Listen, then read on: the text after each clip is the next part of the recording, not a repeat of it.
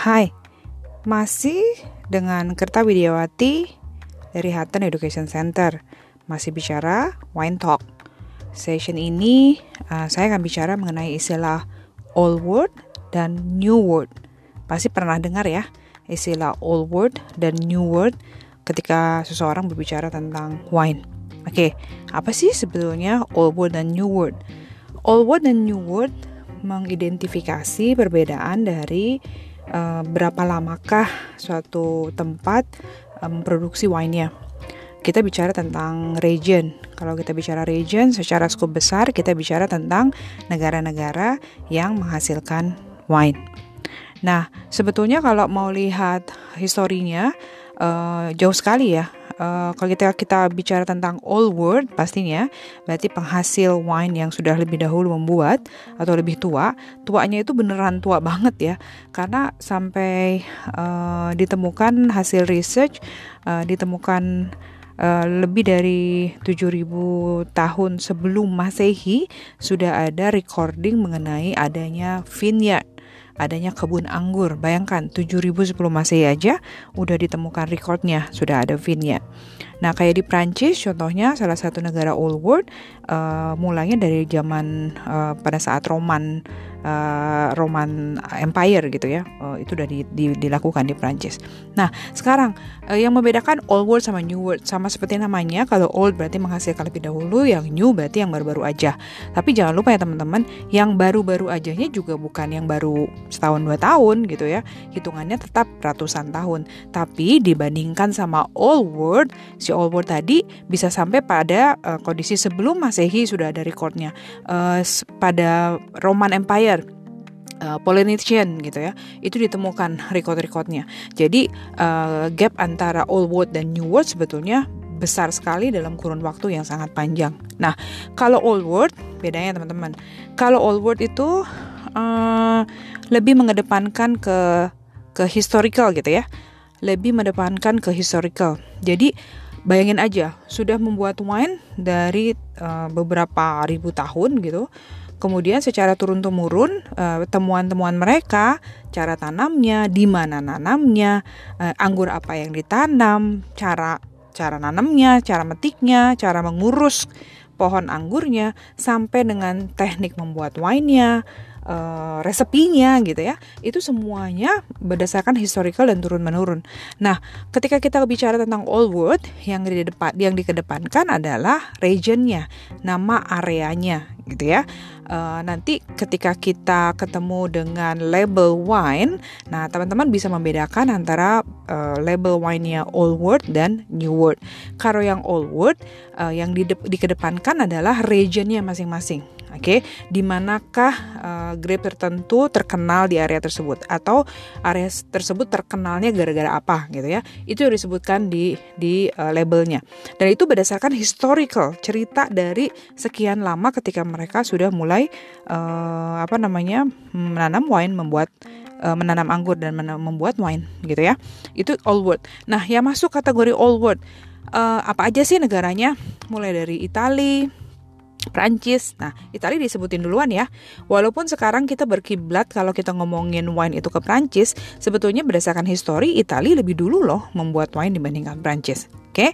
Uh, all world, Italia, Prancis, Spain, Portugal, Austria, Jerman, Greece, Hungary, Israel, Romania, uh, Slovakia, uh, Cyprus, Switzerland, England, Macedonia e, kalau dilihat negara-negaranya berarti lebih banyak negara-negara di Eropa ya. E, nanti berpengaruh juga di manakah kalau teman-teman belajar wine, belajar peta juga nih. E, boleh lihat dari negara-negara yang tadi saya sebutkan posisinya ada di mana di belahan bumi, ada di lintang manakah dia karena nanti akan sangat mempengaruhi tadi cerita tentang uh, perkembangan atau histori dari wine-nya. Oke, itu yang old word ya. Jadi kalau old word berdasarkan historical point of view yang biasanya disebutkan di label itu lebih ke regionnya, uh, negara-negaranya yang tadi yang saya sebutkan tadi itu di old word. Nah, sekarang kalau yang new word, kalau yang new word teman-teman, kalau yang new word berarti negaranya yang saya bilang tadi ya agak baru dikit gitu. Nah, ketika kita bicara agak baru dikit itu uh, ratusan tahun juga ya uh, kayak contohnya Australia. Uh, Australia uh, data yang ditemukan pertama kali mereka ekspor itu tahun 1882. Berarti baru sekitar 198 tahunan ya, belum terlalu lama dan itu masih hitungan ratusan tahun, bukan lagi ngomongin ribuan atau bahkan sebelum masehi. Uh, apa namanya pergerakan uh, ada wine, ada winery dikenal sebagai wine region di negaranya. Nah, kalau di New World Wine yang lebih di, di depan dikedepankan oleh mereka sebetulnya adalah um, teknik ya, uh, karena kalau di Old World banyak sekali restriction karena tadi urusannya uh, turun temurun, tekniknya juga turun temurun, uh, banyak yang nggak bisa menggunakan uh, metode yang berbeda. Sementara kalau di New World freestyle nih, nah walaupun di masing-masing negara punya wine law, punya undang-undangnya sendiri yang mengatur cara membuat, cara menanam gitu ya, sampai pada label Uh, tapi uh, di New World uh, lebih lebih mudah bergerak. Karena bisa menggunakan teknologi baru, bisa melakukan hal-hal riset yang baru gitu kan. Karena memang secara historical mereka tidak punya historical yang selama uh, yang dikenal di di luar. Uh, di New World disebutkan juga regionnya tetap ya region juga tetap disebutkan di New World tapi biasanya grape variety di New World disebutkan sementara kalau di Old World tidak disebutkan karena yang hanya disebutkan regionnya saja. Nah, negara-negara yang masuk New World Wine Region apa aja sih? Uh, eh, USA, ya, kemudian Australia, New Zealand, uh, Argentina, Chili, South Africa, China, India, Uruguay, Brasil, Meksiko, Kanada. Itu masuk tuh ke masuk uh, area New World. Sebetulnya sih semua negara-negara yang uh, apa namanya mulai membuat wine ya. Uh, sekarang kayak Indonesia contohnya. Indonesia juga punya uh, beberapa winery di Indonesia. Tapi yang paling pertama kali buat Hutton Wine umurnya baru 26 tahun sekarang dibandingkan sama Australia yang recordnya pertama kali itu pun record ekspor ya, bukan record pertama kali mereka membuat itu baru 198 tahun uh, tahun yang lalu gitu. Jadi bisa kebayang uh, range waktunya tuh jauh sekali. Nah, di New World, Old World dan New World jadi yang membedakan adalah tadi historical point of view, kemudian negara-negara mana saja yang punya record lebih lama gitu ya untuk disebutkan uh, kondisinya. Nah, saya kasih contoh sekarang. Kalau di wine label Old World, teman-teman kalau lihat labelnya Old World, kita akan kesulitan untuk mencari grape variety dari wine tersebut. Jadi di labelnya nggak disebutin. Bisa jadi di back label disebut sih ya. Tapi kalau di front label tuh nggak disebutin. Karena yang mereka kedepankan adalah grape variety-nya.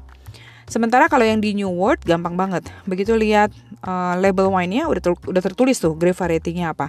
Saya kasih contoh, contohnya Chardonnay. Kalau di New World, kalau dia pakai grape-nya Chardonnay, ya akan diteruskan Chardonnay. Jangan lupa ya teman-teman ya untuk penulisan label di uh, wine bottle di setiap region di setiap negara mempunyai undang-undang yang berbeda uh, yang mengatur uh, apa namanya um, penulisan di dalam labelnya. Chardonnay misalnya kalau disebutkan Chardonnay berarti um, di contohnya di Australia uh, 85% isinya harus Chardonnay. Tapi negara lain ada yang 75, ada yang 80 gitu ya. Beda-beda. Ada yang harus 100% Chardonnay-nya. Jadi kalau mau menuliskan uh, grape variety tersebut di label. Nah, tadi kalau New World kalau grape-nya pakai mostly sebagian besar menggunakan Chardonnay, ya dia dia bakalan sebutin Chardonnay selesai. Jadi kita tahu, oh Chardonnay dari Australia, udah selesai. Gampang kan? Uh, belajarnya tinggal menguasai karakteristik si Chardonnay sendiri, karakteristiknya seperti apa. Sementara kalau di Old World, contohnya Chardonnay Chablis contohnya. Chablis adalah satu region di Prancis terkenal sebagai penghasil Chardonnay yang salah satu yang terbaik di Prancis. Di area Chablis itu terkenalnya adalah Chardonnay. Orang nggak lagi nyebutin Chardonnay dari Chablis, nggak. Di labelnya tulisannya cuma Chablis aja. Artinya apa? Buat kita tambahan PR ya untuk meng menguasai uh, wine label atau dapat membaca wine label di Old World Wine, kita harus belajar region region mana terkenalnya dengan apa. Sama tadi contohnya kayak tadi, Chablis terkenalnya dengan Chardonnay. Artinya kalau disebutin Chablis, orang yang sudah uh, belajarnya lebih advance lagi, dia akan tahu, oh kalau Chablis pasti Chardonnay gitu ya. Itu berdasarkan regionnya. Jadi buat kita tambahan PR nih. All word lebih sulit lebih sulit dikit karena kita harus dig in. Kita harus cari informasi lebih banyak region tersebut terkenalnya dengan grape variety apa? Hubungannya dengan label. Tadi informasi mengenai old wood dan new wood, negara-negara mana saja kah yang masuk kategori old wood dan new wood dan hubungannya dengan penulisan label yang menjelaskan grape variety yang dipakai di wine tersebut. Lumayan seru ya. Oke, itu cerita tentang old wood dan new wood. Tetap ikutin podcast saya, uh, Wine Talk, uh, dengan Kerta Widiawati dari Hatten Education Center.